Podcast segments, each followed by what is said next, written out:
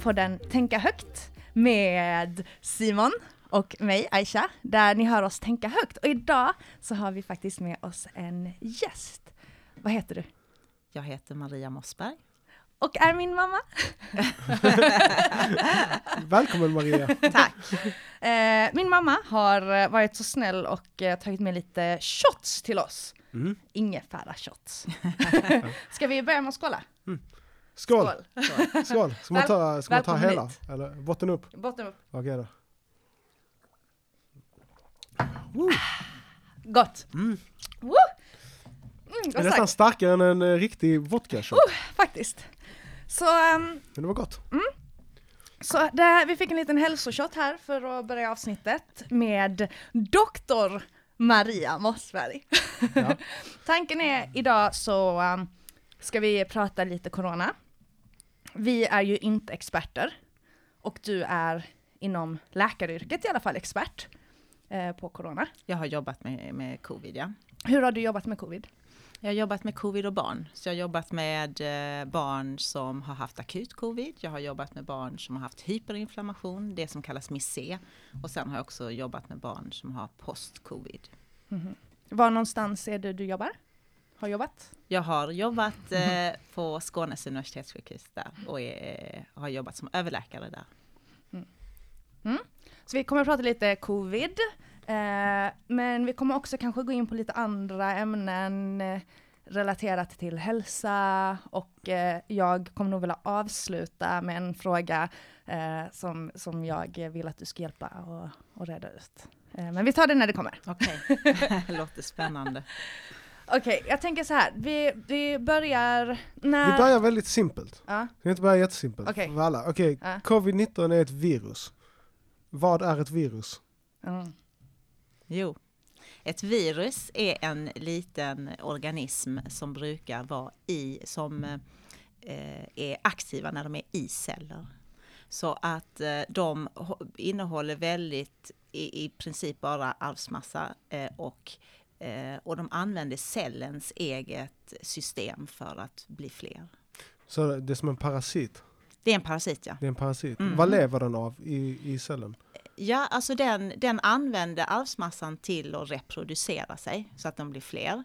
Och sen så när den är utanför cellen så, är, så kan man smittas av den och när den, man då får in den i kroppen så, så är det så den, den reproducerar sig. Men- och sen har vi ju i vårt system, immunsystem andra saker som gör att det tar koll på virusen och så.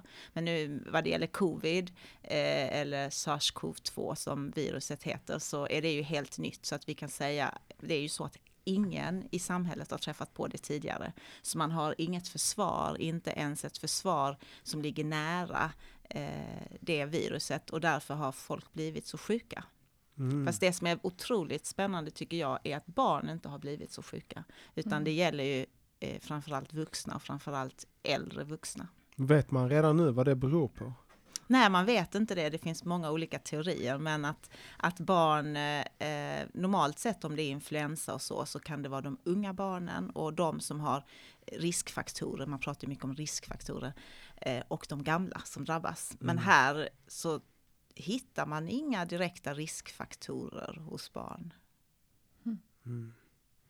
Mm. Men de får samma symptom som vuxna? Nej, Inte ens det? nej. Aha. Utan akut covid, ja, det finns väldigt få som har blivit sjuka. Ehm, och då kanske fått ungefär samma. Men de flesta som, som, de flesta som kommer till sjukhuset och visar sig ha covid, de är ju inte sjuka i covid så som man ser hos vuxna, att det är lungproblem och så.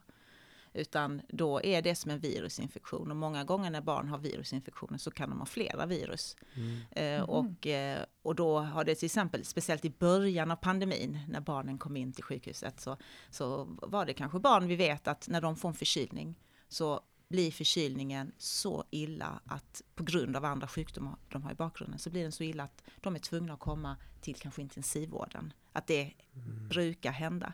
Men då kom de in och, med sin förkylning och vi tänkte gud det här är covid, hur sjuka kommer de här barnen att bli? Men de blev inte sjuka. Det, det Mhm. fortsatte vara en vanlig förkylning och barn som normalt sett fick stanna länge på sjukhus och använda massa hjälpmedel och så. Och Var det typ cancerbarn? Nej. Eh, också cancerbarn hade vi som inte heller blev sjuka i covid. När de Mhm. hade, eh, nu säger jag blev sjuka i covid när de hade covid. Men då menar jag att man kan ju man kan vara sjuk i någonting och man kan ha någonting. Mm. Typ Man du bar på har herpes men inte munsår. ja, en bra jämförelse. Jag fattar inte varför ni skrattar. Ja men det är väl det. Ja. Men, men man pratar ju mycket liksom, ja. Precis, så kan det ju vara. Så kan... men herpes är också ett virus. Eller? Ja, Ja. det är det. Men så det är lite likt covid. Det, det är exakt samma sak, nästan. Nej okej, så barn som hade annat. Ja, till exempel barn som är födda och har eh, svåra neurologiska sjukdomar. De har kanske svårt att och, eh, hosta, de är svaga i sina muskler, de, de orkar liksom inte riktigt och när de blir sjuka och lite trötta då orkar de absolut inte hosta upp slem och så. Och, och orkar man inte det så samlas ju slemmen och så blir det att man blir sjuk. Neurolog, typ CP-skada. Ja, det är ju en sorts eh, så. Det kan till exempel vara att man föds och att man, eh, ja det är ju det, att man eh, under förlossningen, att det går illa så att Mhm. man får, Typ ingen syra. ja precis, syrebrist och, och det kan orsaka skador på hjärnan som gör att man har, kan ha muskel, ja, svaga, svag muskulatur.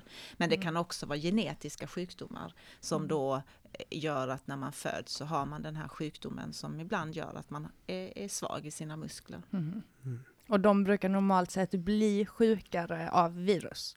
Eh, De brukar normalt sett bli väldigt sjuka när de blir sjuka. Mhm. Att när de blir sjuka, om de till exempel har, har eh, epilepsi och är välbehandlade, sen när de blir sjuka så får de mer kramper kanske Mm. och att de har svårt att hosta upp och, och här, ni vet ju själva när ni är förkylda att man snyter sig och man hostar. Kan man inte snyta sig och man inte kan hosta då samlas ju Mm. allting Mm. och det kan bli jättejobbigt att andas och Mm. man kan få problem eh, och så. Men, Mm. men vad det gäller covid så fick de inte så mycket problem. Mhm. Och vi, var, vi blev väldigt förvånade. Och likadant helt nyfödda barn som föds med covid, det kan man ju inte tänka sig något värre, eller hur? Nej, man känner att hur ska det gå? Nej, det har gått utmärkt Ingenting. hos de flesta. Mhm. När det inte är så att man är tvungen att ta ut barnet alldeles för tidigt på grund av att mamman är sjuk och Mm. då kan det bli komplikationer Okej. har man sett. Men annars Mhm. har det inte varit så mycket.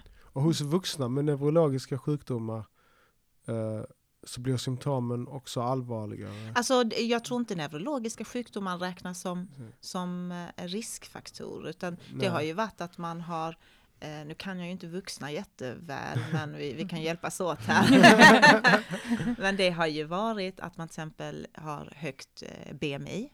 Mhm. Mm. Man är tjock. Ja, Mm. precis. Ja. Och eh, att man har eh, eh, hjärt och kärlsjukdomar har väl Mm. också räknats. Mm. Och vissa eh, lungsjukdomar och så. Diabetes tror jag också. Diabetes också. Varför diabetes? Var det inte någonting, det blodet? På grund av blodet? Eller? Varför diabetes? Ja. Ehm, jag, tror, jag tror att diabetes, eh, liksom det handlar om kärl och så också. Mm. Mm. Eh, att många som har diabetes kan ju också få problem med sina njurar och problem med mycket som har med kärl att göra. Och, Mm. Men vi kan ju kolla upp vilka riskfaktorerna är hos vuxna. Ja, Men, rätta neurolo- till mammas mikrofon lite så kanske hon låter högre.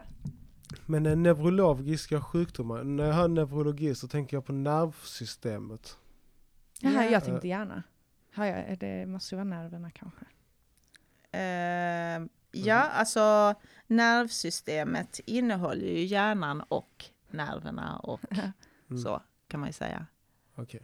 Så att, Men eh, neurologiskt, är, är det nerver eller är det förstånd? Hjärna. vad sa du? Jag tänkte liksom hjärna och förstånd som sen, Neurologi är väl Ja. läran om nerver? Är det inte? är det så? Hjärnan och, och och, eh, och nerverna tillhör ju det. Alltså hjärnan är ju den som tar hand om, bestämmer allt som vi gör. Mm. Och den kopplas ju via, får ju liksom input, det finns ju både hormoner, den, eh, liksom hormonellt och så, men det är också eh, nervsystemet som gör att man... Mm. Vad är viktigast, Så hjärna eller hjärta? Men så, så, så, Ja, så hjärnan styr liksom nervsystemet? Är det så det Ja, fungerar? eller eh, hjärnan ingår i nervsystemet. Hjärnan ingår i nerv... Okej. Ja. Men jag tänker just eftersom att... Okej. Ja, nu... Jag, jag är dum i huvudet. Vi kan, kan- inget om detta, vi försöker Ja. reda ut det. Jag tror inte vi är Men- de enda som inte kan, så ställ men dina... Man kan säga, du- om vi bara gör färdigt där med riskfaktorer, så är ju ålder, Mm. eh, Ja, är ja. ju, de flesta som har dött är ju 70 plus. Mm. Mm. Ja, det är ju nästan, ja det är ju de allra flesta. Sen är det ju också manligt kön. Det Mm. såg man ju att det var ju många fler män än kvinnor som dog. Svaga. Neurologiska sjukdomar står faktiskt som lett till påverkad andningsfunktion, fetma, diabetes, cancerbehandling, lungsjukdom, stroke, demens, leversjukdom, njursjukdom, hjärt och kärlsjukdom, organtransplantation och Downs syndrom. Men det är hos vuxna. Mm. Vad märkligt. Liksom när går... När går den biologiska gränsen från att man är ett barn till att man är vuxen? Jo. Efter puberteten så Nej, men- ändras någonting. Nej men det, jag har sett det så och de som har de som är tonåringar liknar ju mer vuxna. Mhm, Okej. Så att Mm. är det en tonåring och har riskfaktor, till exempel att den har högt BMI, så är det större risk att den då drabbas. Mm. Så det är före puberteten? Alltså innan Nej, jag, alltså inom igång som- barnsjukvården så brukar jag väl tänka att, att det, det finns ingen skarp gräns utan det är ju en Nej. flytande gräns. Och de minsta barnen beter sig på ett sätt. Tonåringarna Mm. kan likna barn men de Mm. kan också likna vuxna. Så det är beroende Detta har jag på. faktiskt undrat om mycket. För ofta kan jag gå till min mamma och säga ja, jag har det här problemet. Ja, men jag vet inte hur man behandlar vuxna. Men vadå, hur stor skillnad kan det vara från ett barn? Nej, men Så jag, dagen någon jag fyller tänker- 19 och bara, oh shit, nu kan jag inte behandla dig längre. för jag tänker på sjukdomsbilden liksom. För okej, det är barn Ja, men det har- finns ju många, till exempel vattkoppor, Mm, det man säger det är vattenkoppor. jättefarligt för vuxna. Där kan, där kan ju barn få, om man knappt märker ens att barnen har fått, barn har koppa. Så. Och många vuxna som har fått det blir ju jättesjuka. Ja. Så. Men vet man där vad det beror på? Alltså, och likadant hepatit A till exempel är ju samma sak. Men- ja. men- vad, man- vad det beror på? Nej, det, Mm. nej, det är Alltså, ju vad är det, säkert. jag tänker liksom, vad är det som ställer om i kroppen och när? Som gör så att man rent biologiskt reagerar helt olika på olika virus. Ja, men det man tror till exempel med covid är ju att det är den receptorn där viruset fastnar på cellerna för att ta sig in i cellen. Mm. Den eh, har inte barn så mycket av. Så det är den teorin man bland Okej. annat har. Så att det finns i magen. Barn har den kanske lite mer i magen så att då kan man se att många har magsymptom. Mhm. Så. Men lungorna finns det inte så mycket och har inte så mycket lungsymptom. Men det är en, en av många teorier. Ja. Eh, och att därför så, så, så kan inte, och det, jag kan tycka det låter rimligt att, att det är ju någonting som gör att den inte fäster och inte alls kan Mm. göra Mm. någon verkan på barnen. Mm. Men de kan ju vara positiva. Mm. Mm. Så de bär det ändå. Ja, Intressant. Också, ja. Vi alla hade ta in, ju ja. covid i vår familj. ja. Eh, och Ella, den yngsta nu som är 11, har gjort eh, antikroppstest och har antikroppar. Men hon var ju inte alls sjuk. Nej. Ella och Zoe som... Eh, ja, de två yngsta, de var inte alls sjuka, men Ja. de har, har antikroppar. ja. Så Ja. de måste ju ha haft det samtidigt som De oss. hade det nog Hur gamla är de nu? Eh, 11 och 14. 11 och 14? Mm. Ja. Shit. Men 18-åringen var sjuk. Ja. Väldigt Mm. sjuk. Liksom jag och alla andra. Fast väldigt sjuk i era... Sjuk. Inte när man jobbar på sjukhuset. väldigt. Ja, jag var sjuk. Ja. Inte förkyld utan faktiskt sjuk. ja, precis. Hippo, min partner hade feber i typ 14 dagar. Mm. Jag hade feber och var liksom sjuk i typ tre dagar. Men sen fick jag, inte andningssvårigheter, men jag blev andfådd jättelätt. Bara jag reste på mig så blev jag jätteandfådd. Och kunde få hjärtklappning jättelätt i flera veckor. Är det för att lungorna har försämrats av viruset eller för att man inte har rört på sig under lång tid? Så. Alltså det var ju tre dagar. Så det Ja, kan ju tre inte... dagar. jag tror inte jag är så ovältränad. Nej men det är ju det man har sett, att många känner den andfåddheten och Ja. den tröttheten efter ett virus, så att det känns i lungorna och, och så. Alltså detta var något helt annat, det är inte som vanligt att du har legat och varit sjuk. Nej. Men det finns, ju många, eller det finns ju många infektioner där man blir väldigt trött, men här har man ju sett att det, det hos många har varit mycket. Och jag kan själv personligen känna att, eh, som då tränar en del, att helt plötsligt efter tre månader, eller om det var fyra, så kände jag oj, nu har något försvunnit som har funnits här. Ja. Och att man plötsligen känner, Ja. åh, så mycket piggare jag blivit. Ja. Men då kom ju solen också samtidigt. Ja. Så, men covid har ju också gjort det med oss att vi kanske, vi som är vana att träna mycket, kanske inte har tränat lika mycket som Ja. vanligt för man inte har gått till gymmet eller Mm. ja. Jag, Så. jag sa här på jobbet till, eh, till en annan, hon som är i receptionen, så sa jag, åh gud alltså jag, är så trött på slutet av arbetsdagen. Det är covid. Alltså jag känner av att covid, jag är trött på slutet av arbetsdagen. Så skrattade hon och sa, alltså det är så vi alla vanliga människor är alltid. Men jag tror fan det var covid. Jag, jag tänker lite, okej så diabetes, eh, fetma, antar jag att det Mm. man räknar då i BMI, och eh, dålig lungkapacitet. Det är stora riskfaktorer för att man ska Mm. bli allvarligt sjuk. Mm. Varför har man inte gått ut och rekommenderat folk att träna mer och äta nyttigare? Men eh, har man inte gjort det på sätt och vis, alltså när man inte stängde ner samhället och att man sa till folk att man skulle röra sig, att inte uttalat. gymmen eh, skulle vara stängda men att det är viktigt att, att röra på sig. Men Jag tror det var uttalat, för den liksom, mentala hälsan. Ja, den är också bra att man ser lite eh, folk. att man- Ekonomiskt, det kan vara det är många saker som inte har varit uttalade men Nej. Jag känner, varför har man inte gått ut och rekommenderat folk att ta tag i er hälsa nu? Liksom? Mm. Fan, börja röra på er och ät ordentligt. Mm. Och, ja, Mm. Så ni är bättre rustade ifall, ifall ni skulle få det. Mm. Nu har det nästan varit att man mer har velat att folk ska vara inomhus, mer Mm. eh, undvika social kontakt. Beställa vilket är såklart pizza. också är bra. Men Men jag, jag tror nog att vi, de flesta, det är väldigt få där vikten har gått ner under covid. Mm. Nej, Precis. normalt sett så Exakt. hos de allra flesta så tror jag att, att man, också den här allmänna ångesten, man vet inte vad som händer och, mm, och, och eh, man känner sig orolig och man får inte lov att vara ute på det sättet, Mm. eller inte får, men att man, man är inte rekommenderad att att göra vissa saker som man annars kanske gjorde. Så att det är ju lätt att det blir eh, fredagsmys hela veckan. Mm. ja, och så får man, Och alkohol. och så får man corona på, eller covid på det. Mm. Och så blir man jättesjuk. Ja, Mm. ja Det är faktiskt konstigt att det inte har varit en större rekommendation. Ja, men i, i Sverige generellt sett så jobbar man väl mycket med eh, folkhälsa. Mm. Så att man Mm. tänker väl att det var del i det. Jag vet Att inte. Jag kan inte ja. svara för vad, vad Tegnell tänkte där. Nej, det var lite orättvist att ställa den frågan. Varför har de inte gjort det? Jag skulle fråga att hade det funnits någon nytta i att de hade gjort det? Men jag tänker så här, att vi trodde väl aldrig att detta skulle vara så långsiktigt, långvarigt, eh, i pandemin. Nej. Utan jag tänker, eller det jag såg i sommar, förra sommaren, när sommaren kom och smittan gick ner, då var det många som tänkte, nu är det över, Mm. nu kommer det inte mer. Mm. Så allting är mycket bättre. Och det tänker man ju nu också. Jag tror ju att det kommer komma lite grann nästa år också till, eh, till vintern. För, vår, för virus och så trivs ju bäst, eller det, det sprids ju på vintern och på Mm. somrarna brukar det inte vara. Nej, det var det, Så det är jag, det normala. det var det jag tänkte också när det gick ner. Att liksom, men det här är bara en slump. Det är inte för att vi har gjort någonting rätt eller för att viruset helt plötsligt håller på att försvinna. Eller det- snarare inte någon slump. Det är sommar. eller inte en det är slump, helt men jag menar, naturligt. jag menar slump eftersom att folk verkade i relation till att folk verkade tro att det snart är över. Ja. men det är väl att man hoppas. Det gör ju Ja, folk nu man vill också. Man, man liksom, Men nu är vi inne i nästan en fjärde våg pratar de om.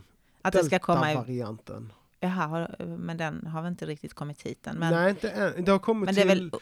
var det Trollhättan? Någon stad i Sverige där den har, ja, där det var ganska många, det blev- de kallar det för klustersmitta. Vad är klustersmitta? Jag bara läser sådana här ord och så repeterar jag dem som att jag vet vad det betyder. Nej, det är många som är smittade samtidigt. Okej, då- jag Ja. På det. en men- isolerad plats eller? Ja, Mm. Eh, Yes, punkt. Men jag tänker att fjärde vågen, för det första så finns det nog olika vågor för olika länder. Mm.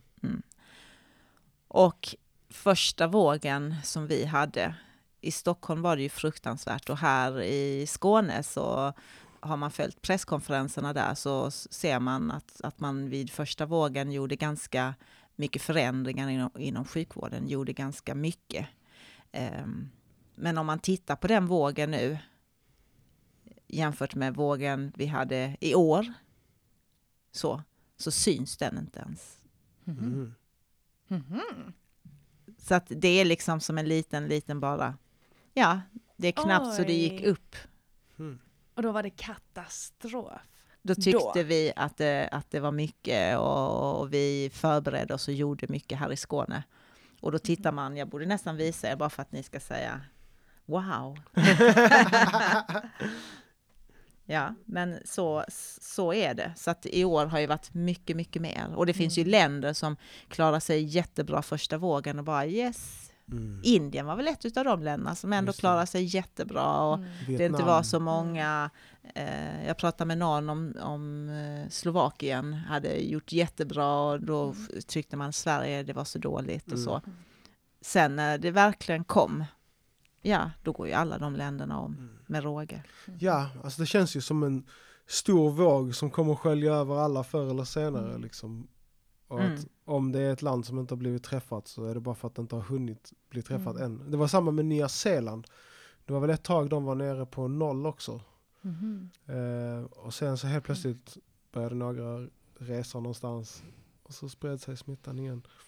Men i, Nya Zeeland och de länderna har väl ändå varit länder där eh, de har tagit hand om det ganska, Ja, de har klarat sig ganska bra. ganska bra. Men jag tror att Nya Zeeland är ganska, det har en stor yta och så är det en ö Mm. och så bor det ganska få människor där. Mm.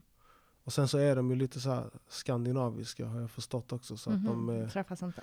inte att de inte träffas men att de litar på myndigheterna, att de gör som myndigheterna Mhm. säger. Eh, Mm. och att det kan ha bidragit till det.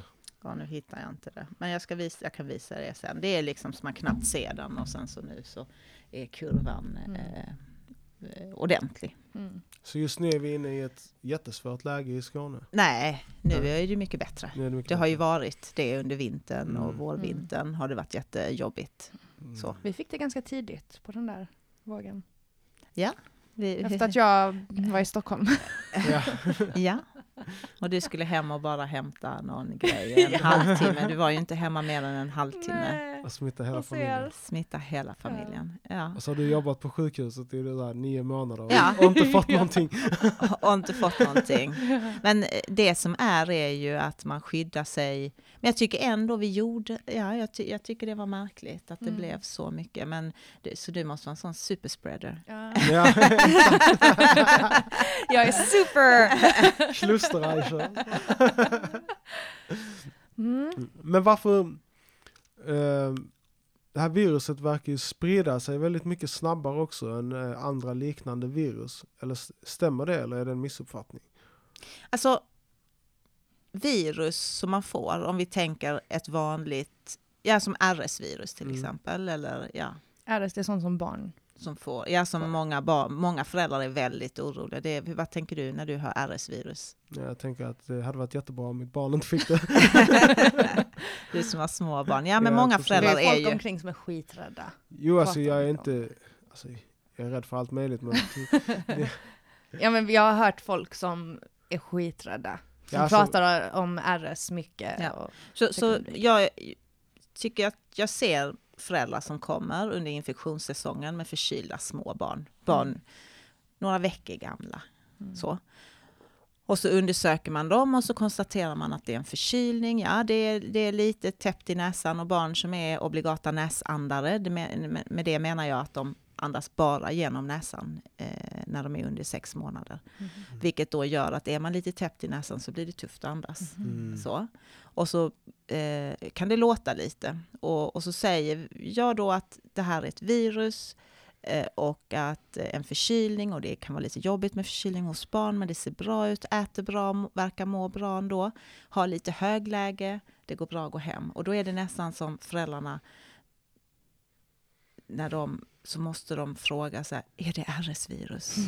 så, för att då känner man, är det det så finns det risk att det blir en riktigt allvarlig sjukdom. Mm. Och då så svarar vi ju att ja men det vet vi inte om det är RS-virus eller något annat virus. För att RS-virus är ett förkylningsvirus som Mm. alla barn har haft vid tre års ålder. Mhm. Och så är det speciellt vissa barn, unga barn, som då har eh, riskfaktorer som kan drabbas, som kan drabbas lite mer. Mhm. Så att det är ju, det, de flesta barn får ju det som en förkylning, Mm. så kan man säga. Mm. Och ni kan inte veta om det är RS? Nej men för vi tar inte prov. Vi tar Så bara... ni kan ta prov men ni gör inte det? Ja. det låter ju jättetaskigt. Eh. Varför gör man inte det då? Nej, för att va- vad är Är skillnaden? jättedyrt? Ja men det kostar ju, men vad, vad är skillnaden att ta ett prov? Vi säger här att ni har ett barn som är förkylt och så vet ni att det är en förkylning och det kan vara RS, men det kan ju te sig fortsatt som en förkylning. Mm. Och så går ni hem. Om det är RS eller inte så gör ni exakt samma sak. Man, kommer, nej. man behöver ju ändå bara akut vård ifall det blir akuta Ja, symptom. men läggs, läggs man in Ja. så tar vi RS-prov. Och det är egentligen mest för att man ska kunna lägga kohortvård, alltså att man kan lägga två barn i samma rum och så. Mm. Och då tar vi prover för att se. För egentligen, det finns ju ingen behandling mot RS. Inte Alltså, specifikt. nej. RS, nej. Nej. Och när, om det är så att man blir jättesjuk, då vill vi veta. För då vill vi veta, liksom, då vet vi hur RS ter sig. Mm. Mhm. Men eh, Hade man kunnat resonera på samma sätt om covid? Ja men så har man väl resonerat. Har Om du går till vård... Ja i och för sig. Så gjorde man ju först. Ja. Så gjorde man ju först där. Mm. Att, man, att man tyckte att du är sjuk, eh, du har förkylning eh, och så testar man inte utan man testade bara alla som lades in. Mm. Men det man då såg var ju den här smittspridningen som man inte ville Mm. ha. Och det är ju därför man... För, för jo, det jag skulle säga med RS var att vi har ju haft RS. Så att när det blir en... eh, Eller jag till exempel då som jobbar inom sjukvården Mm. träffar på RS hela tiden. Så att jag blir inte sjuk. Så skulle vi komma, skulle komma någon med RS och vi är tio stycken i ett rum så kanske de flesta inte kommer få det för de har redan haft eller har någon partiell immunitet mot det. Eller det blir lite förkylning och det blir inte så mycket. Men här med covid är det ju ingen som har haft det. Så Nej. alla som träffar på det blir ju sjuka. Mm. Mm. Det är ju det som gör det Mm. eh, där. Och då att man, att för egentligen, eh, för vår del, om vi hade vetat att det var covid eller inte när vi var förkylda, hade kanske inte gjort så mycket. Men det som kanske hade gjort var att vi hade gått ut och betett oss Mm. så, alltså som vanligt, Mm. vilket då gör att då smittar vi ännu fler och sen Ja, så precis. minskar man inte smittspridningen. Så, att, så testningen är egentligen inte för vår skull, utan det är ju för samhällets skull och att vi Mm. inte ska Precis. sprida det. Ja, igår släppte de ju nyheten att det har funnits ett par vårdbolag som har, eh, ja, som har gjort bedrägerier med, eh, med testerna. Och alltså tag, provtagit folk och sen inte skickat proverna på analys utan bara gett alla ett negativt svar.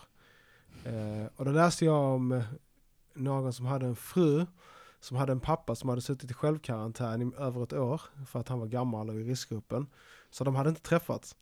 Så då hade hon bestämt sig att nu ska vi träffas och då gick hon och gjorde ett sånt här PCR-test. Nej. Visade sig att det var eh, negativt. Mm. Några dagar efter besöket hos sin gamla pappa så hade hon fått symptom. Sen fick han symptom, låg på intensivvårdsavdelningen i en månad och dog. Nej, Jo, usch. så hemskt, Fy fan. eller hur? Ja. Ja, det finns ju alltid folk som försöker kapitalisera på andra. Eh, Det är ju jättehemskt. Jätte, jätte, jättehemskt. Ja, Fy fan. det är jättehemskt.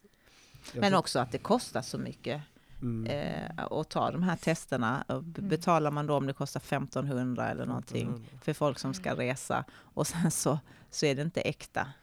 Det är, det, och så att sm- smittspridningen eh, kan ju vara... men är det inte lite otroligt att man har fått ploppa upp, alltså att de här små bolagen bara fått sätta upp liksom i princip tält och bara fått tillstånd att ta de här testerna på folk utan vidare granskning förrän efteråt. Mm. Men det har väl varit för att det har blivit ett sånt enormt behov. Det har gått så snabbt. Ja, Det har gått så snabbt. Sett det som någon slags samhällsnytta. Ja. Ja. Man måste väl ha någon form av eh, säkert, eh, man måste väl visa eh, processerna eller det är ju ändå ganska reglerat. Ja, de hade något eh, labb som de påstod att de skickade proverna till. Mm. Men sen har man ju upptäckt nu att eh, de inte har gjort det. Men de har ju haft liksom så här 100 000 eh, personer som har kommit så att det känns ju som att något jävla, någon jävla kontroll borde man ju ha gjort lite tidigare kanske. Vi har gjort så mycket misstag. Vi har gjort mycket bra grejer, men vi har också gjort mycket misstag. Det måste man också kunna erkänna.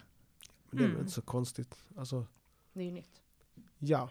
Alltså jag har hela tiden tyckt att jag står bakom det Mm. vi gör, fast att jag inte har någon aning om vad det Mm. innebär egentligen. Men jag litar på experterna i det här fallet för att jag vet ingenting. Mm. Men man kan ju Ja. tänka så att hade man stängt ner mer, Mm. för nu på något sätt så blir det ganska nedstängt för de äldsta. Mm. De var hemma och gjorde inte så mycket. Men alla andra, ja, man kunde inte gå till krogen för att den var ju begränsad och så. Men om du går till något annat land, Mm. då var det nedstängt. Ja, ja. Alltså du gick typ ut med hunden Mm. Mm. om du gick ut. Så att, Mm. Och då har ändå många av de länderna haft mycket värre eh, liksom kurvor än oss. Mm. Har de inte det? Till exempel eh, USA, Los Angeles, eh, Kalifornien, Mm. New New, York. New York. De har ju haft ganska mycket corona för att ha varit så nedstängt som det har varit. Och det har ju gett en massa dåliga effekter på samhället. mm. Hemlösheten har ju spikat och eh, Ja, det psykisk bara- ohälsa, företag läggs ner, hela ekonomin är Mm. totalt kra- kraschad. Men vi märker inte av det så mycket här. Nej, det är först när man reser utomlands egentligen som Mm. Man bara, "Oj, just det. Mm. I 90% Eller av fast det är också privilegierat att, att kunna säga att man inte märker av det här. För det finns ju också de som faktiskt märker av det här. Jo, men Men inte på samma sätt. Men sen är det väl också det svenska systemet att du har ingen polis som kan gå och eh, eh, slå ner dig eller Nej. sätta dig i finkan om du inte följer det man säger. Utan Mm. det mesta är ju rekommendationer vilket Mm. gör att ja, man Man- hade kunnat ge böter. Det hade man kunnat göra. Jag tycker det är skönt att vi inte har behövt göra Jag det. Jag tycker det visar ändå på någon slags tillit mellan medborgarna och politikerna. Att de Mm. vågar ge oss rekommendationer och inte Mm. Måste slå in det i huvudet på oss. Men det är lite the Swedish way. Att man, om man tänker till exempel, det är rekommendationer att barn ska vaccinera sig. Mm. I vissa länder så kan det till och med vara så att du får inte gå i skola om du inte är vaccinerad. Mm. Mm. Men jag tror det är väl någon slags samspel också mellan befolkningen och staten. Och hur mycket man litar på sin stat. Mm. Brukar staten ljuga för dig? Brukar staten använda liksom makten för att förtrycka dig? Mm. Så kanske man är mer skeptisk mot den här formen av restriktioner. Mm. För jag vet till exempel att i Chile, Mm. där, var de, där stängde de ju ner allt. Allting. Det var liksom utegångsförbud större delen av dygnet och man får bara gå ut och handla mat i princip. Mm. Men där hade ju myndigheterna aldrig kunnat säga till befolkningen att liksom, vi rekommenderar att ni inte gör så här och vi Mhm. rekommenderar att ni gör så här för då hade de bara gått tvärt emot. Mm. För att de, det finns så stor misstro mot myndigheterna. Mm. I Sverige har vi ändå litat, har vi ändå ganska bra tillit verkar det som. Mm. I den här Mm. situationen i alla fall. Men eh, Men eh, för att ta tillbaka det lite mer mot liksom, eh, ja, men läkaryrket. eh, Mm. Eller sjukvården. Eh, Jag undrar, vad, du, vad, vad tror du? Kan, blir man immun eller kan man få corona flera gånger? Ja, men tyvärr kan man få eh, corona flera gånger. Det var en råtta som sprang utanför. Åh fy. fan vad äckligt. Hoppas den, får corona. jag sa det för stora ögon, jag tänkte är det någonting bakom mig? Åh! alltså, jag tycker ändå det är lite skönt att vara utomhus. Det är han från Scream. Eh, blir man, eh, man kan få det flera gånger, så man blir inte immun. immun. Nej, men man kan säga så här. Det normala är att har man haft det så får man det inte igen i det, på det sätt som man tidigare har haft det. Men det finns ju såklart sjukdomar som man kan få igen. Eh, så. Men oftast är det ju att har man haft det så får man inte det Mm. på det sättet. Men det har ju varit folk som har fått PCR-verifierad covid, Mm. har antikroppar och sen blivit sjuka igen. Mm, med antikroppar. Alltså jag vet inte om de hade antikroppar då, för man vet ju inte hur eh, länge antikropparna håller. Men eh, först tänkte man att de inte höll. Först tänkte man att de höll jättelänge. Mm. Sen tänkte man att de inte höll så länge. Men sen kom det ändå vissa rapporter på att de ändå håller ganska länge. Mm. Är, det, är det hållbarheten på antikropparna som, som eh, påverkar huruvida vi kan få nå flockimmunitet fort eller väldigt långsamt? Ja, det är det? Eller? Det, ja, det är det ju. Och sen också hur detta virus beter sig. Mm. Och jag kan säga att många som har jobbat med bakterier och virus och infektioner överlag har ju blivit förvånade många gånger för det har inte riktigt tätt sig så som man hade förväntat sig. Mm. Och finns det någon skillnad mellan de olika eh, varianterna av viruset när det gäller, här, man har blivit smittad av den första varianten sen blir man smittad av den tredje varianten. Så kan det ju vara. Det kan ju vara det kanske som har gjort att man har blivit smittad igen. Jag har inte sett riktigt studier på det. Men man ser ju att, att eh, man kan bli smittad och eh, e- ett skräckscenario är ju att det kommer en variant där vaccinationen inte Mm. hjälper och att, att det, man börjar om igen. Så. Jag orkar inte. Jag pallar, jag pallar inte göra det här en gång till. Men, men det kan ju också vara så, vilket jag kan tro, att det blir som influensan, att man kanske får vaccinera sig en gång om året. Mhm. Tills det ja. För evigt. För, men för evigt behöver man ju inte vaccinera sig alla behöver, hur många, hur stor andel av befolkningen är det som måste vaccinera sig mot influensa för att den inte ska ehm, sprida sig så? Ja, men vi vaccinerar ju oss inte mot influensa. Nej men precis. Så att det vi gör är ju att vi vaccinerar gamla Mm. och Mhm. unga i riskgrupper. Okej. Jag visste inte detta. Nej. Så att vi har ju inte någon flockimmunitet gällande influensa. Nej nej. Men i USA så vaccinerar man väl sig varje år? Man tar the flu shot. Ja, det kanske vissa Ja, gör, men jag, jag, jag, har inte hört, eh, jag har inte hört om det. Men Mm. det, det, jag kan inte tänka mig att alla som är fattiga gör det. Nej, Ja. säkert inte. Nej. Men, sen, Men jag jag för mig att folk brukar bli rekommenderade att ta Mm. sitt Ja. förkylnings... men Spruta. okej. Men så, okej, det finns den första varianten, tredje och jag menar andra tredje. Jag har glömt hur man räknar till tre. och eh, nu möjligtvis den fjärde, eller den fjärde finns väl? Är, är deltaviruset det här brittisk-indiska viruset eller är det något annat? De har ju fått olika namn här. Eh, nu kan jag inte säga på rak arm vilken som är vil- vilken, för man vill ju inte kalla det länders. Det är ju liksom, Nej, men det, det- det jag tänker kanske de har döpt om det nu till delta. Ja, precis. Det är därför de har gjort det. Så eh, delta är väl den indiska varianten. Ja. som man tidigare kallade den. Och det är den som nu är eh, i hela England. Men sen korsade väl den sig med den brittiska?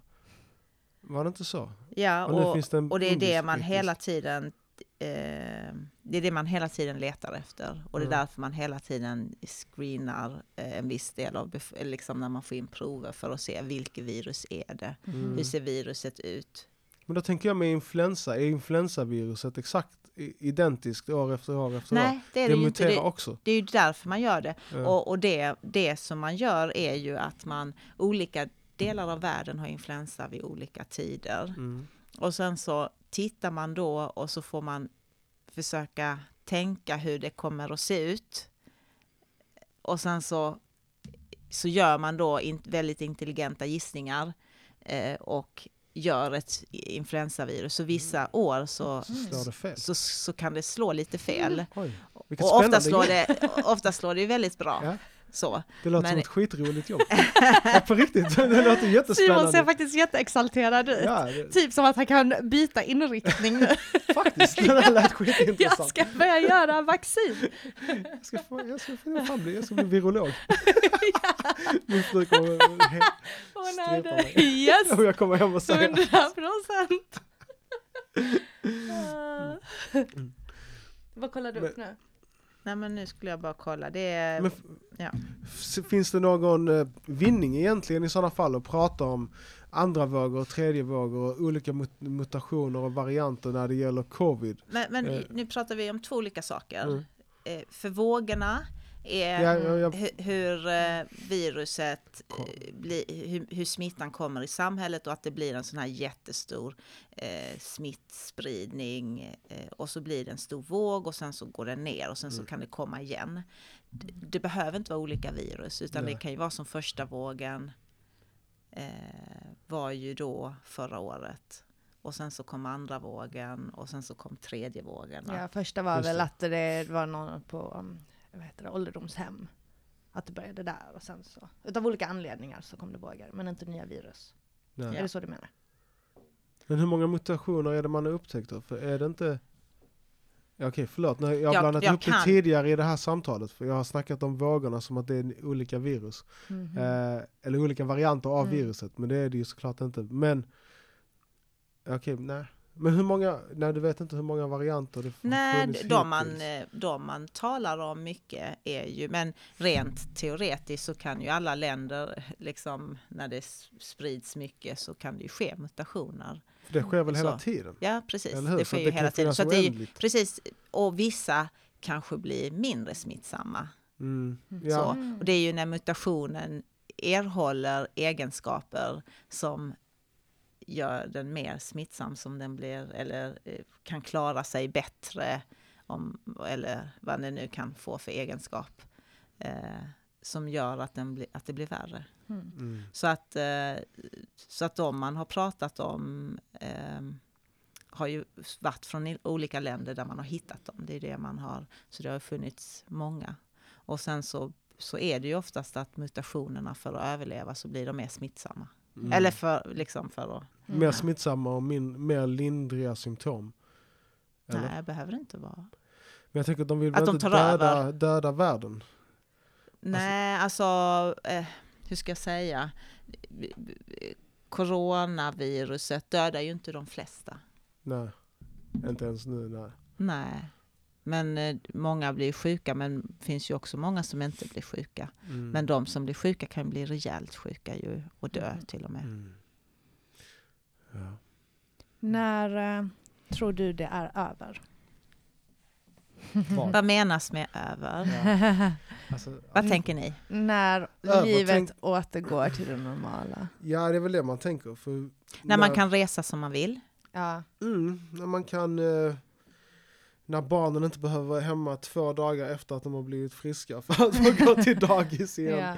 ja. Eh, när man kan besöka sina äldre. ja. När man kan... eh, Hålla event. Ja. Gå på fotbollsmatch. Ja.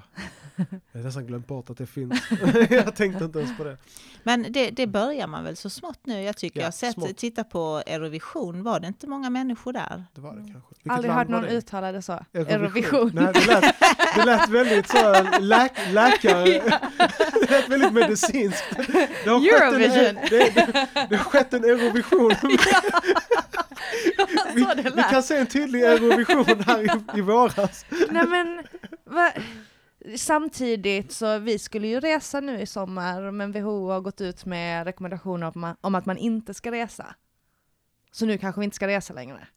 Då är det ju Mm. inte som vanligt. Nej, precis. Så man kan ju inte säga att det är som vanligt nu. Eh, men jag menar att man börjar ju så smått ha, ha lite större evenemang och så. Mm. Ehm, men när man säger att man kan åka och göra precis så som man vill. Jag tänker nog att detta kommer ändra en del för framtiden. För vi kommer ju säkert vara lite oroliga över eh, hur eh, med smittor och så. Att man Mm. tänker att det finns en realitet att det faktiskt kan bli. Men samtidigt kan man säga så att influensan som var då i början på 1900-talet, den var ju jättestor, den höll på ett par eh, år och sen så blev det liksom bättre. Mm. Så det är rent och de andra eh, stora epidemier som har funnits har också varit så att det blir bättre. Det som är skillnaden är ju, eh, tänker jag, när den influensan var, så var det så att, att, att någon säger, jag hör att det finns folk som dör där borta, Mm. långt borta. Mm. Gå och kolla vad det är som händer där. Så skickar man iväg någon och så tar det några veckor kanske, eller vad det nu tar, och så Mm. kommer den tillbaka och berättar. Mm. Nu, skillnaden är ju att innan man ens har hört att folk är sjuka där, Ja. så finns det ju tusentals människor som har gått till många delar av världen. Man Ja, har precis. flygit därifrån. Så att Mm. det är ju inte så att det håller sig och så sprids det liksom Nej. lite försiktigt. Ja, så. Mm. Utan nu bara har, finns det en punkt och sen tjoff säger Mm. det så finns det överallt. Mm. Och det ska vara glada att ebola inte blev så. Eller? Mm. ja, ebola. Hur, många, hur stor var dödligheten på ebola? Den var, den var ganska hög, eller hur? Den var Mm. jättehög. Tre av tio? Eller? Det, alltså det, nu, jag kan inte det, men det var ju jättehög och det är en Mm. allvarlig, allvarlig sjuka. Men där, äh, nu, nu blir jag politisk. ja, det får du bli. Ja. Mm. Det man ska ju veta att vi vill ju inte ha ebola i Sverige eller i något eh, västerländskt land. Så där kom det ju mycket resurser för att hålla ebola i Afrika, tror jag. Eller liksom att försöka utrota det och hjälpa till att få bort det. Så Mm. eh, där. Eh, det man kan säga med covid är ju att om man räknar dödsfall i covid och lidande i covid så finns det ju många, många fler barn i andra länder som har dött på grund av pandemin än vad Mhm. folk har dött av För pandemin att resurserna inte har lagts på Mm. de ställena. Mm. Precis. Vad gör en, en lockdown på ett jättefattigt land där man Mm. är dagsarbetare och, och har så. Och likadant vaccinationer. Man har ju sett att andra vaccinationer som är livsnödvändiga för barn, att det inte Mm. blir av på grund Mm. utav detta. Det är ju många saker som har hänt. Så, och sen kan man säga så, ett barn som är ett år och dör en onödig död Mm. jämfört med en vuxen som är 80 år och Mm. dör en onödig död. Räknat livskvalitet kvar eller liksom vad man förlorar. Det finns Mm. ett sätt att räkna på det. Mm. Att man då räknar hur många år och hur mycket, hur mycket man förlorar. Så att ett barn, litet barn som dör av en ko, inte, ko, inte på grund av covid, men på grund av omständigheterna runt covid, Mm. är ju eh, mer, eh, borde vara värre.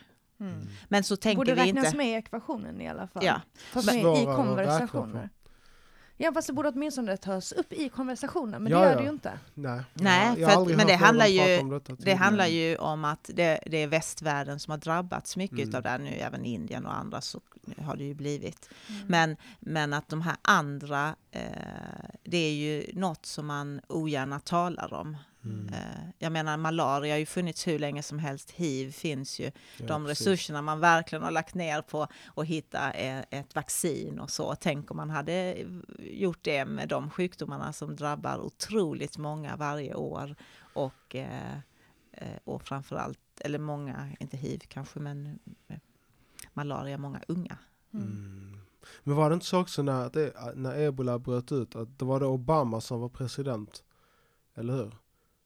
Och, då hade USA det här, vad heter det, de hade ett jättebra pandemiprogram Mhm. och en jättebra, vad ska man säga, inte myndighet men liksom en enhet som jobbade med det Mm. och som var eh, internationellt organiserad som åkte till, vad var det det bröt ut?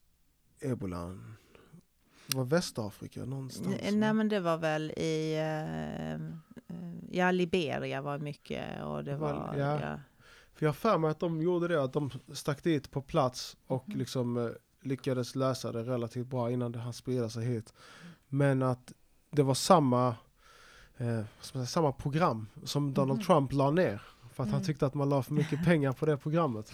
Så, och att det programmet Innan pandemin kom! Ja, och att det inte fanns. ja, så att man inte kunde göra samma sak när den här pandemin bröt ut. Mm. Sen är det inte säkert att vi hade gjort samma sak ändå, eller att det hade gått att hindra. Men Jag har hört detta också, men jag, till skillnad säkert från Simon, har ju själv inte läst det. Ehm, och en grej jag undrar för alla oss dummomar, ehm, vem ska vi lita på? Var ska vi ta information ifrån? Ska jag höra från Simon och lita på vad han säger? Lyssna på mig. ska jag, är det Aftonbladet eller det, alltså forskningsartiklar är väl för svåra för gemene man att ta till sig. Vem är det vi ska lyssna på? Vad ska vi lita på och varför? Ja, jag tycker att man kan lita på Folkhälsomyndigheten. Det är vad jag tycker. Och det är Mm. klart att eh, ibland, eh, som om man tittar eh, tillbaka och ser alla rekommendationer som är gjorda och allt som har hänt, att det kanske är saker man kunde ha gjort bättre. Men frågan är om man, eh, om det inte är oundvikligt att det är på det sättet. Mm. Att, att vem man än lyssnar på, att det kan, för det, nu, det är mycket intelligenta gissningar Mm. här Mm. eh, som man gör. Och eh, det är meningen att Folkhälsomyndigheten ska titta på all data, ska analysera både nationell och internationell data och komma ut med de bästa rekommendationerna. Mm. Mm, jag litar på Folkhälsomyndigheten. Jag med. Eftersom att jag vet att, hur lite jag vet. Mm. Och, och plus att man ser ju att olika länder som hanterar det ganska olika drabbas ju ändå. Mm. Och då tänker jag med liksom, vilket typ av sätt att leva kan vi leva med? Mm. Vill vi ha en eh, regering som säger till oss att vi inte får jobba och att vi inte får gå ut efter en viss tid och att vi Mm. absolut inte får göra de här sakerna för att de vill straffa oss för Mm. det? Eller vill vi ha det som vi har det nu? Och jag väljer nu. Mm. Även om de har fel. Men det får man ju man får ju acceptera att de Ja. inte kan veta allting som ska ske i framtiden. Mm. För det är där jag hör mycket av kritiken komma från. Det liksom, ja, de är så dumma i huvudet. De sa så här och så blev det så här. Och de sa så här och så blev Mm. det så här. Men det är ju ingen, det finns väl inte en enda person sedan det här startade som har kunnat förutse exakt Mm. varje steg och exakt vad som ska Mm. hända. Eller, Va, vad eller- tycker du är det bästa med eh, strategin som vi har haft? Jag, jag tycker det allra bästa är barnen, att de har fått gå till förskolan. Och jag måste säga att alla lärare, alla förskolelärare, de är hjältar Mm. som Mm. verkligen har fortsatt och jobbat. Mm. Eh, eh, förutom sjukvårdsarbetare, just vad det gäller pandemin, så är det absolut lärarna som jag vill ge en stor eloge för att Mm. barnen har fått kunna gå i skolan. Mm. Det, det är, jag hör om många barn som har varit hemma i ett, över ett år. Inte alls varit utanför huset i princip i många länder. Mm. Och, och att ha det så och samtidigt som föräldrarna försöker jobba på distans eller ännu värre, föräldrar som inte kan jobba på distans som hittar både den ena och den andra för att passa Mm. deras barn som, Mm. som man kanske aldrig hade lämnat barnen till i vanliga fall. Det säger sig självt att det är mycket i kölvattnet av pandemin som vi kommer se som inte kommer ha varit bra. Mm. Och jag tror att barnen i de länderna där det har varit alldeles för hårt är de som har drabbats allra mest. Mm. Jag håller med. Mm. Det, Vi- Vi har pratat i ungefär 55 minuter nu. Jag tänker att vi kan börja avrunda. Eh, har du något du vill tillägga som vi inte har tagit upp som är viktigt?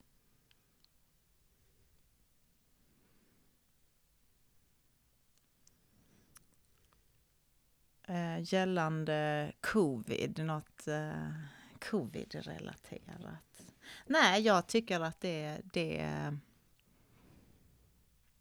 eh, det har ju varit mycket eh, diskussioner om barn och hyperinflammation. Just det. Gud, vi har inte ens kommit in på det. Här, det finns mycket att prata om om covid. det Ja. är klart. Ja. Eh, och hyperinflammation drabbas, ju, drabbas man av cirka tre till åtta veckor efter man har haft en covid-infektion Mm. som då inte behöver ha varit så svår. Mm. Och där varierar det från att man är sjuk, Mm. men inte så sjuk, till att man är jättesjuk. Mm. Och i Sverige har vi haft ungefär 250 barn som har drabbats av det. Hur många barn har fått covid? Vad vi vet. Jag tror inte man vet. Man testar väl inte barn? Nej, precis. Nu börjar man ju testa lite yngre barn, men de Mm. allra yngsta testar vi ju inte. Mm. Okej, men 250 Men jag tänker så här. Jag tänker så här, och det är också handlar om smittsamhet. Mm. Att om jag hostar och nyser och håller på, som vuxna gör då, som har symptom, för många vuxna får, alla får inte symptom, men fler får symptom, då smittar man ju mer än om ett barn som har det helt utan symptom, där, där, man då und- där man inte har det här med hostningar och nysningar. Och är vi väldigt, väldigt noga med handhygienen och så, Mm. så minskar vi risken för att barnen smittar. Mm. Men det är ju klart att de smittar, men de flesta studier har man väl ändå sett att barn tycks smitta mindre än vad vuxna gör. Mm. Men eh, vi, vi har inte bråttom, så att vi, vi, det här hyp, eh, hyperinflammation, det måste vi ju diskutera. Men vad är en hyperinflammation? Ja, men en hyperinflammation är att kroppens ege, eh, eget immunsystem reagerar mot sig självt kan man säga. Och det man då såg var att det kom rapporter från England där man då hade sett, eh, det finns en sjukdom som heter Kawasakis sjukdom och eh, det är så att jag har disputerat och bland annat på Kawasakis sjukdom. Där, eh, så att det är ju mitt specialområde ehm, och eh, tillsammans med min kollega så är det kanske vi som kan allra mest om Kawasakis sjukdom i Sverige. Mm. Och då sa de så här i England, det, det kommer barn som är sjuka och det liknar Kawasakis sjukdom eller toxic shock syndrome som är ett tillstånd man får efter en akut, som sepsis. Vad är sepsis? Sepsis är en, en bakterieinfektion som är en blodförgiftning kan man Mm. säga, en Mhm. allvarlig blod, en, Okej. och en sorts blodförgiftning där det, Mm. det är gifter som kommer ut så att det blir väldigt akut. Mm. Så det är en blandning av de två. Vissa barn liknar mer det ena, vissa barn liknar mer det andra. Och vi tror att det har med covid att göra. Mhm. Det var så det började. Mm. Och sen så vet jag att jag var med på det första mötet som var i USA där man pratade om detta. Det var eh, sent på, eh, ja, eh, då var det ett möte där det var folk som hade hållit på med det i USA, det var folk i England och så var det från hela världen som var ett eh, Skype-möte. Och så diskuterar vi då eh, kriterier och så det är jättespännande att vara med och bygga eh, och se från början en sjukdom. Mm. Så. Eh, Men då, då, det som händer då är att barnen har hög feber. Mm. Så de har hög feber och sen så är det precis som om det är kärlen som påverkas framför allt. Att eh, eh, som en inflammation eller så, en kraftig inflammation. För kärlen kan inte längre hålla blodet i blodbanan Mm. eh, hos de värsta sorterna utan då läcker det ut Mhm. utanför blodbanan så det åker ut i vävnaderna så att man kan gå upp flera kilo i Oj. vikt. Mm. Ja. Varför? Hur? Därför att eh, kärlväggen är ju, den är ju inte helt tät utan Mm. det är ju lite så att blod, liksom, vätska kan gå ut och in lite så men det håller ju en fin eh, balans. Men i detta tillståndet så, så blir det som att det blir i kärlen så att det, det är det som är det, det som är det som jag tycker är det svåraste. Sen är det också så att man kan drabbas av hjärtpåverkan. Mm. Att, att någonting i den här inflammationen så är det hjärtat. Så vi ser ju barn som har kommit in och haft påverkan på sitt hjärta. Hur?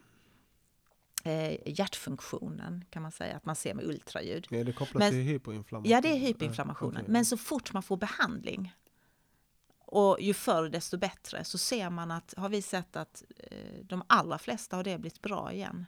Mhm. Och sen när man, så får man då starka eh, mediciner då i form av ehm, eh, kortison. Eh, eh, Backa, backa, backa, för att jag är inte helt med. Okej, hyperinflammation är att det läcker ur kärlen och hjärtat fungerar annorlunda. Hyperinflammation är att kroppen reagerar mot sig själv. Det är någonting som har triggat kroppen, att kroppen på något sätt reagerar mot sig själv kan man säga. Okej. Så Ja. det är som att man skulle fått en inflammation utifrån men kroppen får den av sig själv. Ja, Okej. så man får en, precis som en infektion, men att Mm. det, för man har ju hög feber och oftast när man har hyperinflammation så tänker man oj, de har en allvarlig infektion, en bakterieinfektion Mm. och alla de prov, provtagningar man gör för bakterieinfektion, de är höga. Mm. Så det ser ut som en allvarlig... Provsvaren är höga. Provsvaren är Ja. höga, ja. Alla provsvar som man har vid bakterieinfektion, alla de är höga. Mm. Så att det man tror är ju att man har fått en allvarlig bakterieinfektion. Mm. okej. Så oftast får man ju, om den inte är lindrig, Mm. oftast får de flesta barn behandling för en allvarlig bakterieinfektion. Och det är fel behandling då? Ja, men de får det för att det är ännu värre. Hyperinflammation ändå lite snabb men lite långsam. Ja. En allvarlig bakterieinfektion, ger du inte antibiotika så kan du vara död nästa dag. Ja, Mhm. ja. Varför får man hyperinflammation? Ja, det vet man inte. Och det forskas ju på det och jag håller bland annat på att forska på det. Mm. Så att vi eh, ehm, håller på eh, i startgroparna för att eh, inkludera folk i den här forskningen. Eller vi har lite olika studier, vissa är redan inkluderade och vissa ska inkluderas. Där vi då ska se varför drabbas just de här människorna av hyperinflammation. Mm. Eh, och ser eh, vad, vad det kan skilja sig i blodprover och så. Mm. Var det så att eh, min syster som är 18 f- fick hyperinflammation? Vuxna kan faktiskt få hyperinflammation men hon fick inte det. Hon hade lite utslag i samband med sin covid-infektion. Två veckor efter väl? Typ tre, eller en månad efter? Ja, fast de utslagen var så lindriga så att man, jag vet inte riktigt vad det var, men att det såg inte ut som hyper, eftersom, Mhm. jag, eftersom jag jobbar med det så Men vad, det var relaterat till covid? det vet jag inte om det var. Mhm. Det- Hon fick eh, utslag och ont under fötterna. Ja, Och, jag kommer ihåg att du sa Ja. det. Ja. Men hade det varit hyperinflammation hade man väl sett det snabbt för då hade man väl fått jättestora utslag, eller hur? Alltså, det, man kan säga så här att hy, eh, utslag är en sak man kan få vid hyperinflammation. Men det är inte bara så att man har utslag utan i samband med det ska man ha hög feber. Mm. Hon hade ju liksom ingen feber. Okej, så det okej. är ju att man ska ha det. Mm. Och sen så eh, har de flesta, eh, många har kanske någon körtel på halsen, man har ont i magen, Mm. man har, eh, det finns en hel, man kan ha röda ögon, lite de här Kawasaki-symptomen också. Mm. Eh, som man har. Dör man av hyperinflammation? I Sverige har inget barn dött, Mm. men annars brukar man säga att det är en 2 procents risk att dö.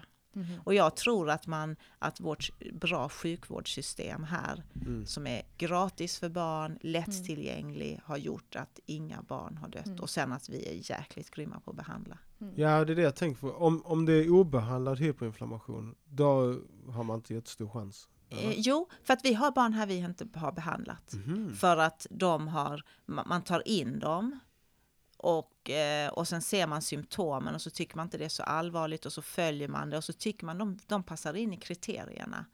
Men att det, har, det böjer med sig Mm. och då behandlar man inte det. Vad betyder hyper?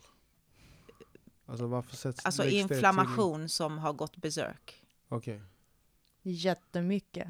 Jätte. Nej, varför, ja, men det, var det, det var så jag, jag uppfattade men sen sa det vissa som inte har så allvarliga symptom. Men det- Men det är hyperinflammation, fortfarande en hyp... ja precis, det har nog blivit ett begrepp för, eh, istället för att säga MIS-C som sjukdomen heter, så säger man Mhm. hyperinflammation. Okej, okej. Ja. Mhm. Men eh, så, så att det finns vissa som då inte har blivit behandlade. Mm. Men de som har behövt behandling, hade de inte fått behandling så hade det inte gått bra för dem. Så kan man säga. Mhm. Mm. Mm. Kan det li- lindras av sig själv? Ja, de som är lindriga kan göra det. Ja, Sen vet jag inte, nej men det vet jag inte. Jag vet Ja. inte om det är allvarligt, om det kan lindras av sig själv, för vi har inte låtit det gå så. Nej, men i andra länder kan man säga där liksom ifall det är Där är det ju många som har dött ju, Som går bort av det liksom. som har dött Mm. av, men eh, ja. Och så har jag inte hört så mycket från eh, lite fattigare länder, där har jag faktiskt inte hört så mycket om hyperinflammation, Mm. utan framförallt från USA och, och Europa och så. Mm. En sak jag hade velat fråga också som är lite mer personlig. Det är, Mm. eh, du har ju själv barn. Ja, Fyra barn. ja. Eller hur? Aisha är inget barn längre kanske. Men med fyra Kan du tippa personer. upp din mick lite bara? eh, jag tänker när du jobbar, Själva på, micken så. när du jobbar på, Perfekt. på sjukhuset varje dag och träffar massa sjuka barn och allvarligt sjuka barn. Hur gör du efter jobbet för att liksom hur hanterar du ditt liv hemma efter att ha varit med om så mycket saker under ditt, dina arbetsdagar? Har du någon teknik liksom så här att okej men nu tar jag av mig rocken, klär på mig mina vanliga kläder, sätter mig i bilen och så mediterar jag eller kan man kan Så, man från barnens perspektiv kan jag säga att vi barn har ingen hänsyn till att hon har haft jobbiga Nej det förstår jag. Nej men jag menar för att jag har, ju, jag har kompisar som är till exempel brandmän. Ja. Och som får se jättemakabra saker. Mm. Och de får ju efter att de till exempel har varit med om att någon har tagit livet av sig, eller Mm. barn som har dött i en bilolycka, eller liksom makabra grejer. Så får de ju träffa en psykolog och samtala och liksom, de har, de har den, den hjälpen alltid. Mm. Eh, har ni någon sån procedur? Så att, Ja, är det något allvarligt som händer så har vi debriefing och, och så. Men eh, vi har inte någon egen psykolog och det kanske man skulle kunna få om det hade varit jättejobbigt. Men man får ju vänja sig vid, vid att se jobbiga saker, se döda barn. mm. Inte, och det händer ju inte speciellt ofta. Barn är ju så fantastiska för oftast går det ju väldigt, väldigt bra även om det har varit väldigt illa. Mm. Fast det är ju inte Men- unheard of. Att Nej, det är, det är, jag har sett barn som är döda. Så Mm. är det ju och det är klart att man, man tycker att det ehm, är jobbigt och man önskar att det inte hade varit så. Och, eh, men samtidigt har jag ju en roll där att eh, hjälpa föräldrarna och förklara vad som har hänt. Och, och innan någonting har hänt så är ju min roll att försöka rädda barnet Mm. och göra det jag kan eh, för att det ska gå så bra som möjligt. Och, och det är ju de allra flesta gångerna går det ju väldigt, väldigt bra. Det är ju väldigt, väldigt sällan det går dåligt. Men när det går dåligt, vad, har du någon process för hur du liksom skakar av det? Tar det vidare? Som jag gör med mig själv. Mm. I den rollen jag har varit i, där är det oftast att jag får stötta massa andra Mhm. nu på senare tid. Det var nog värre när jag var lite nyare. Mm. För då har det oftast varit andra som jag vet är med om detta för första gången och att man får hjälpa dem så att de kan gå hem och, och tidigare och att de får hjälp med debriefing och att de får Mm. så. Ehm, och det låter kanske hemskt om man vänjer sig inte vid att ett barn dör men man, jag lär mig hur jag ska hantera det för att vad hade ni själva tyckt om, om, ert, om ni hade haft ett barn och det dog och jag började gråta och liksom tog Mm. det, det hade ju inte gått liksom. Nej, Jag hade jag förstått fattar. dig. ja, men jag fattar att du kan klara det på jobbet. Men jag tänker, Alltså När du det kommer skilja, hem? Ja, liksom går det att skilja på, på den yrkesrollen och på, det På ens egna barn? Privat, på det privata Nej, på det- överhuvudtaget. Liksom, hade jag sett ett barn dött och jag hade Du- gått hem, hade jag legat i fosterställning. Jag tänker att det är fortfarande, du är fortfarande samma kropp och samma hjärna. Nej men det, det var Hur är väldigt bra jobbigt. mamma? Nej, men det var jättejobbigt. Nej, men det var jättejobbigt i Mm. början. De första gångerna så var det ju jättejobbigt att se någon där det inte... Och, och det värsta är ju kanske när man börjar känna, kunde jag ha gjort något annat och så. Mm. eh, där. Men de flesta gånger jag har sett ett barn som dör, så de allra flesta gånger så är det ju på grund av en olycka. Mm. Att de kommer in och så gör man allt man kan och så kunde man inte gjort mer. Liksom. Så. Det är ju det, Mm. det vanligaste. Det är ju, och, och man kan ju säga det att barn dör ju väldigt, väldigt sällan. Det är ju Mm. det är inte som hos vuxna. Men jag tycker inte du svarar på frågan. Jag tycker, Vad, vad jag, hur, hur jag beter Hur- mig hur din- jämfört med mina barn. hur, nej, jag tänker, hur ser din tankeprocess ut? Hur har din tankeprocess sett ut när du har varit i stadiet att du har gått från att kanske ta mer illa vid dig av att se de här hemskheterna eh, till att inte göra det? Har du haft liksom, har du någon slags resonemang som du har gått igenom med dig själv, liksom där du har bollat? Eh, Eller har du bara stängt av den där delen, skärmat av? men, ja, men om man ser någonting mycket, Ja. mm, eller det är ju inte mycket, jag har inte sett det mycket, men ändå. Det, det, man, det man ser och det, jag är ju liksom, det är mitt jobb ju. mm, Och, och, och se och förstå och, och på något sätt ta hand om. Mm. Så att jag blir ledsen för föräldrarnas skull, jag blir ledsen för att ett barn far illa och så. Och jag kan tänka på det på kvällen och kanske känna liksom, kanske lite att man kan känna sig lite nedstämd. Men det är inte så att jag går och lägger mig i fosterställning. Mm. Och det är inte så Mm. att jag eh, känner att jag inte kan vara mina, mina barn och åka på hockeyträning och ho- åka på det. Mm. Men när jag började som läkare så jobbade jag i Helsingborg. Mm. När, när jag började. Och då var man, men då var det AT och då var det mycket olika patienter man träffar, framförallt vuxna. Och då... Var du på en akut? Ja, det var bland annat mycket på akuten. Det är Okej. man ju i början för lära sig. Mm. Och då pendlade jag. Och det tyckte jag var ganska skönt. Att man Mm. hade då från Helsingborg, om det var liksom en halvtimme, 40 minuter. Mm. Man hann att processa det som hade hänt under dagen Mm. och lägga det och sen så kom man mm, hem och så. Mm. Så att det tyckte jag faktiskt var väldigt bra att Mm. jag gjorde då. Mm. Och, och där hände ju många saker för mig för första gången. Vilket gjorde att kunde kännas väldigt jobbigt. Men att Mm. jag hann och, och under det programmet så var man ett gäng som träffades, som jag tror vi träffades en gång i veckan och så kunde prata om de olika sakerna. Så att det var också att man processade.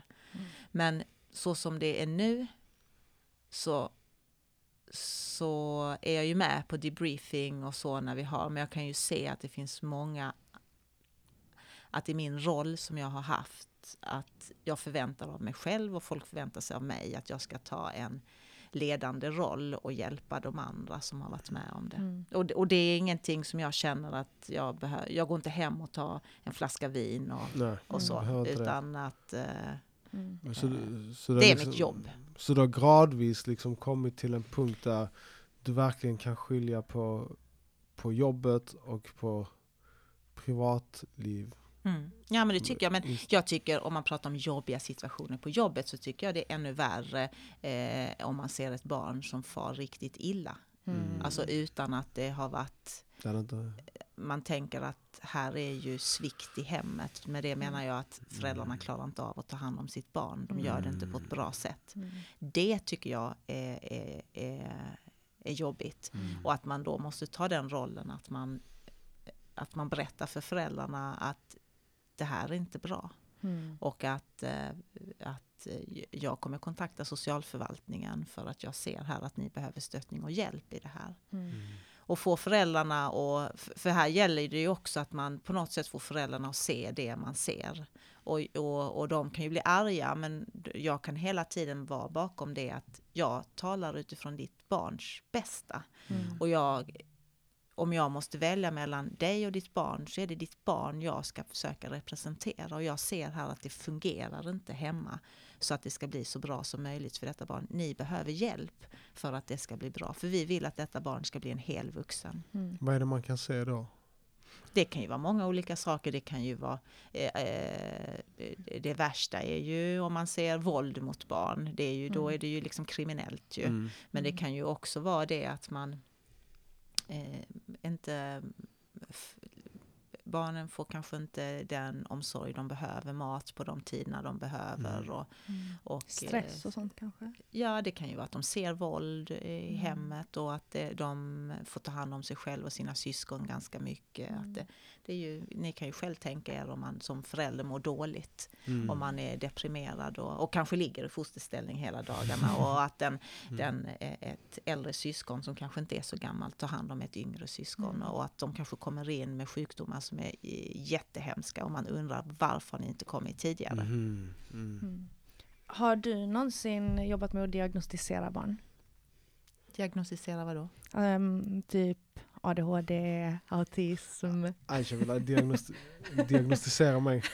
Nej, det har jag inte för det är de eh, som jobbar inom psykiatrin som, Ja. som diagnostiserar det. Har du, skulle du säga att du är duktig på att se diagnoser hos barn? Alltså som läkare så tittar jag ju, jag diagnostiserar folk när de kommer till akutmottagningen så Mm. säger jag det här är en virusinfektion eller det, det, är- det, det är diagnostisera. Mental. Jag behövde... din, din mamma är inte psykiatriker. Nej, jag är inte psykiatriker. Okej, nej men för eh, det jag egentligen ville var att eh, Maj tror jag att Simon kanske har både ADHD men också lite autistisk. Och Simon har vissa grejer från sin barndom där du själv har sagt att det påminner om autism. Så jag hade velat undra om, eller, ADHD. ja, jag hade velat veta vad du så- tror baserat på om du fick höra det. Ja, men jag, är inte, jag kan inte det ehm, så. Och Mm. det, det man... Det, jag håller inte alls på med sådana diagnoser. Mm. eh, Så. Men det man kan se är ju, generellt sett kan man säga så här, Mm. barn behöver struktur, barn Mm. behöver ha ramar. Mm. Och ehm, får man inte det så är det de, mår de flesta barnen inte bra. Mm. Och många barn som inte har fått det uppfattar jag också kan ha svårt eh, i vuxenlivet för att man har saknat det. Och jag kan tänka mig att, att man ibland gör sina egna. Liksom, men, eh, så. Gör sina men egna vadå? eh, ramar och Mhm. så. Jag Men, tycker det låter som Simon. men, att det, men för att det, det är ju så här att ADHD tangerar ju, det är ju viktigt att man, för att diagnostisera det så ska man ju ha problem och inte bara i, i livet utan även kanske i skolan. Alltså man Mm. tittar ju på många olika Precis. sådär.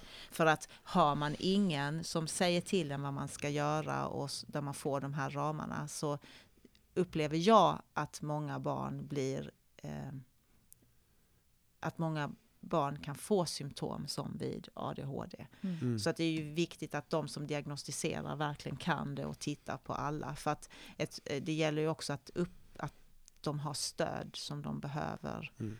i hemmet. Men jag tror att många barn som har haft det väldigt jobbigt och har symptom som vid ADHD, om de hade haft lite mer struktur runt sig så hade det Mm. kanske inte varit så jobbigt. Ja, alltså, för, ja, det är som du säger, har man ramar att förhålla sig till och man bryter sig utanför de ramarna, då kanske det är tydligare att se. Men om inte de ramarna finns Mm. så vet man inte liksom, vad är det ungen egentligen inte förhåller sig till. Mm. Eller hur? Nej men ramarna handlar ju också om att, att jag berättar för dig att eh, eh, nu har vi, eh, vi, eh, har vi glass hemma till exempel, eller ja, vad det nu Mm. kan vara.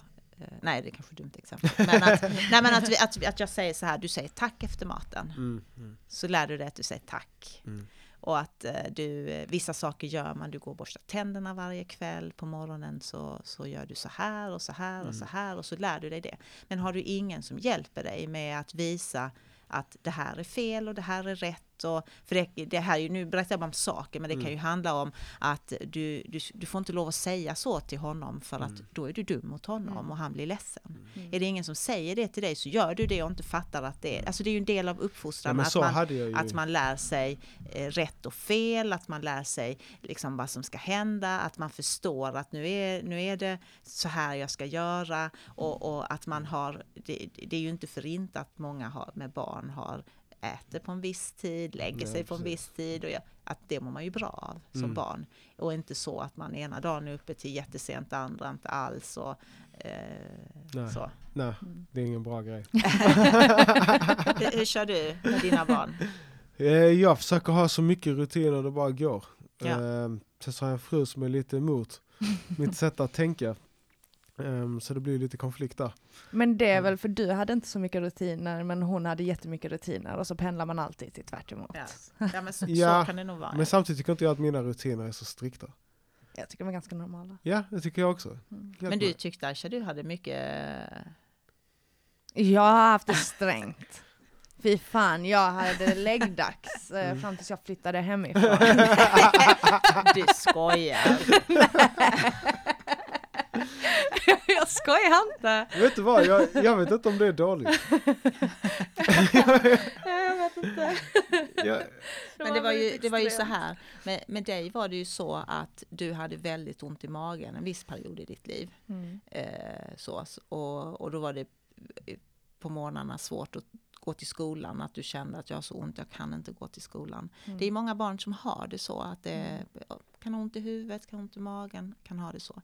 Då gjorde vi under den några år så, så gjorde vi att vi vaknade en timme tidigare än vad vi skulle göra. Mm. Så, hitta på något roligt på Mm. morgonen Mm.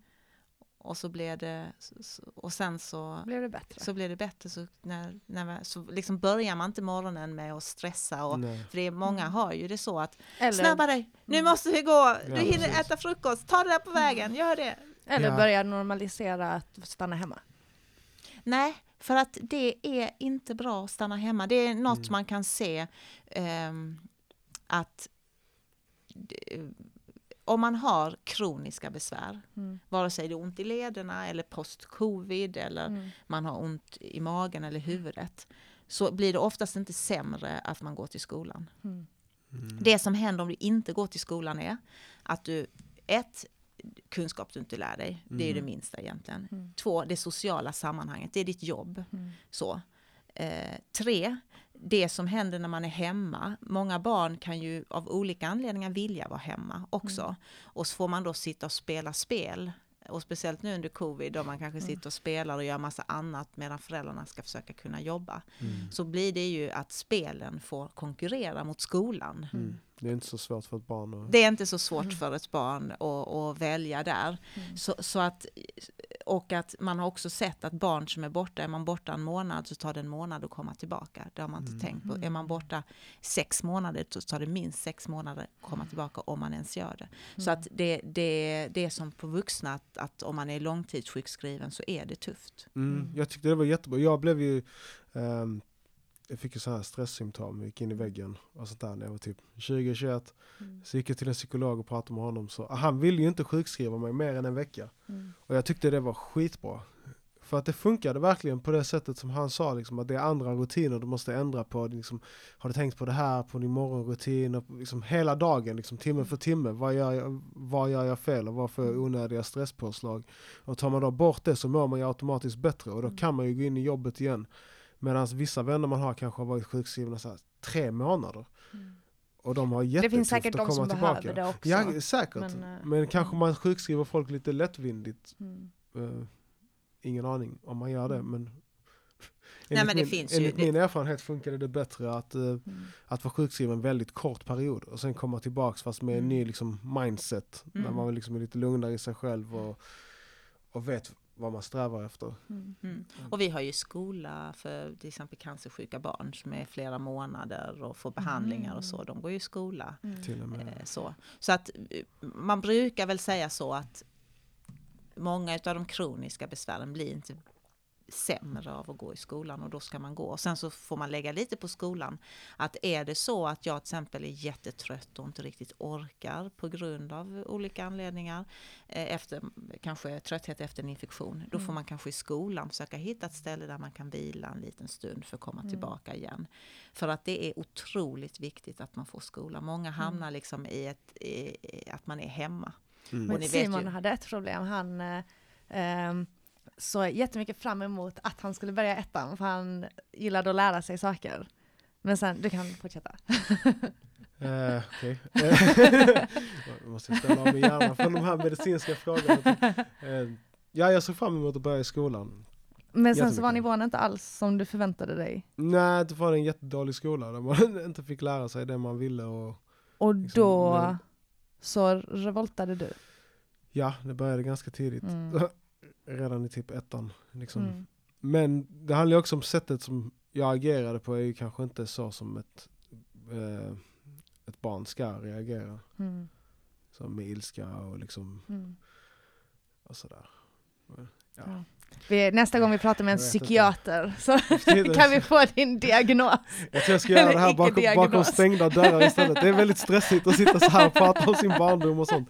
Men en sak, jag, jag tror ju inte själv, jag har ju varit emot att jag skulle ha de här diagnoserna alltid. Liksom. Det är Mm. min fru som har tjatat på mig om det om Mm. igen. Och jag tycker inte att jag har några problem av det Mm. heller.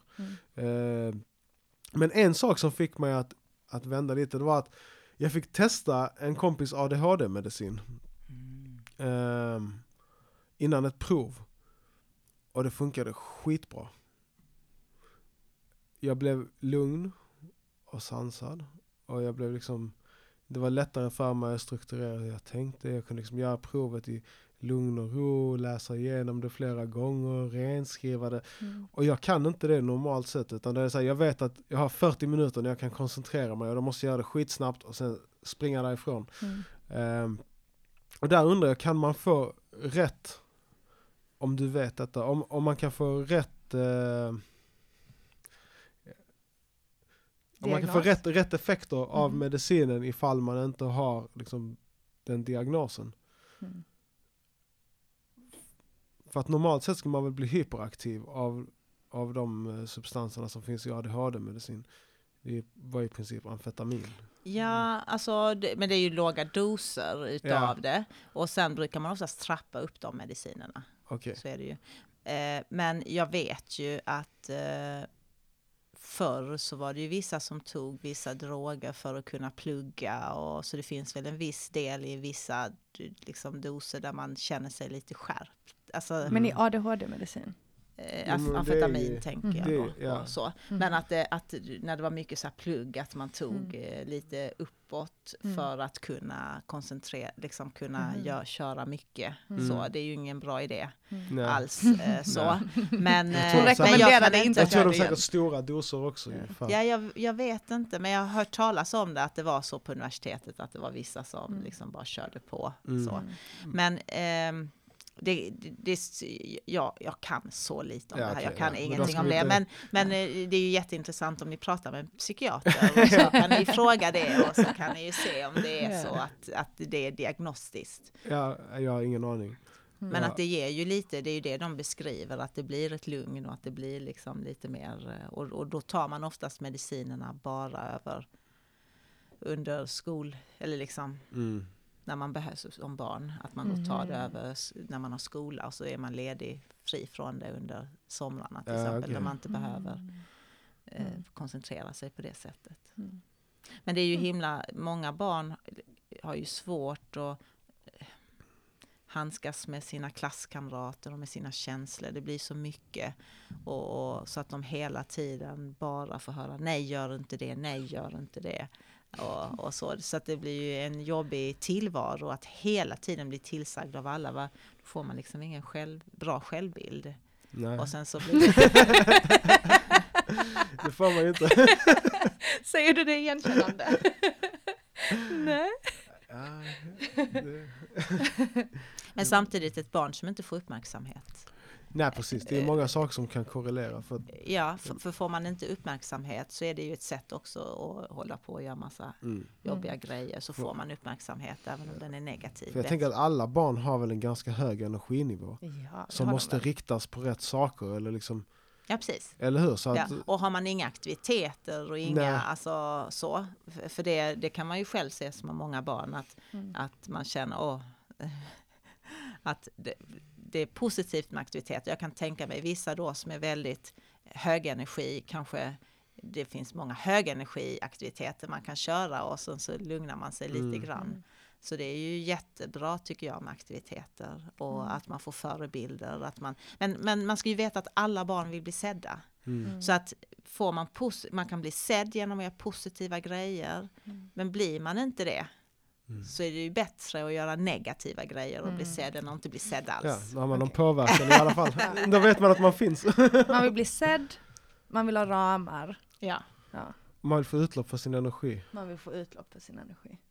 Mm. Men vi är ju flockdjur som vill, vill vara i en tillvaro där vi trivs och där vi känner oss trygga. Och en förälder som inte mår bra eller inte kan ge ramar och inte kan ge struktur eh, och har svårt med sig själv kanske, Mm. ger ju inte en trygghet till ett barn. Nej.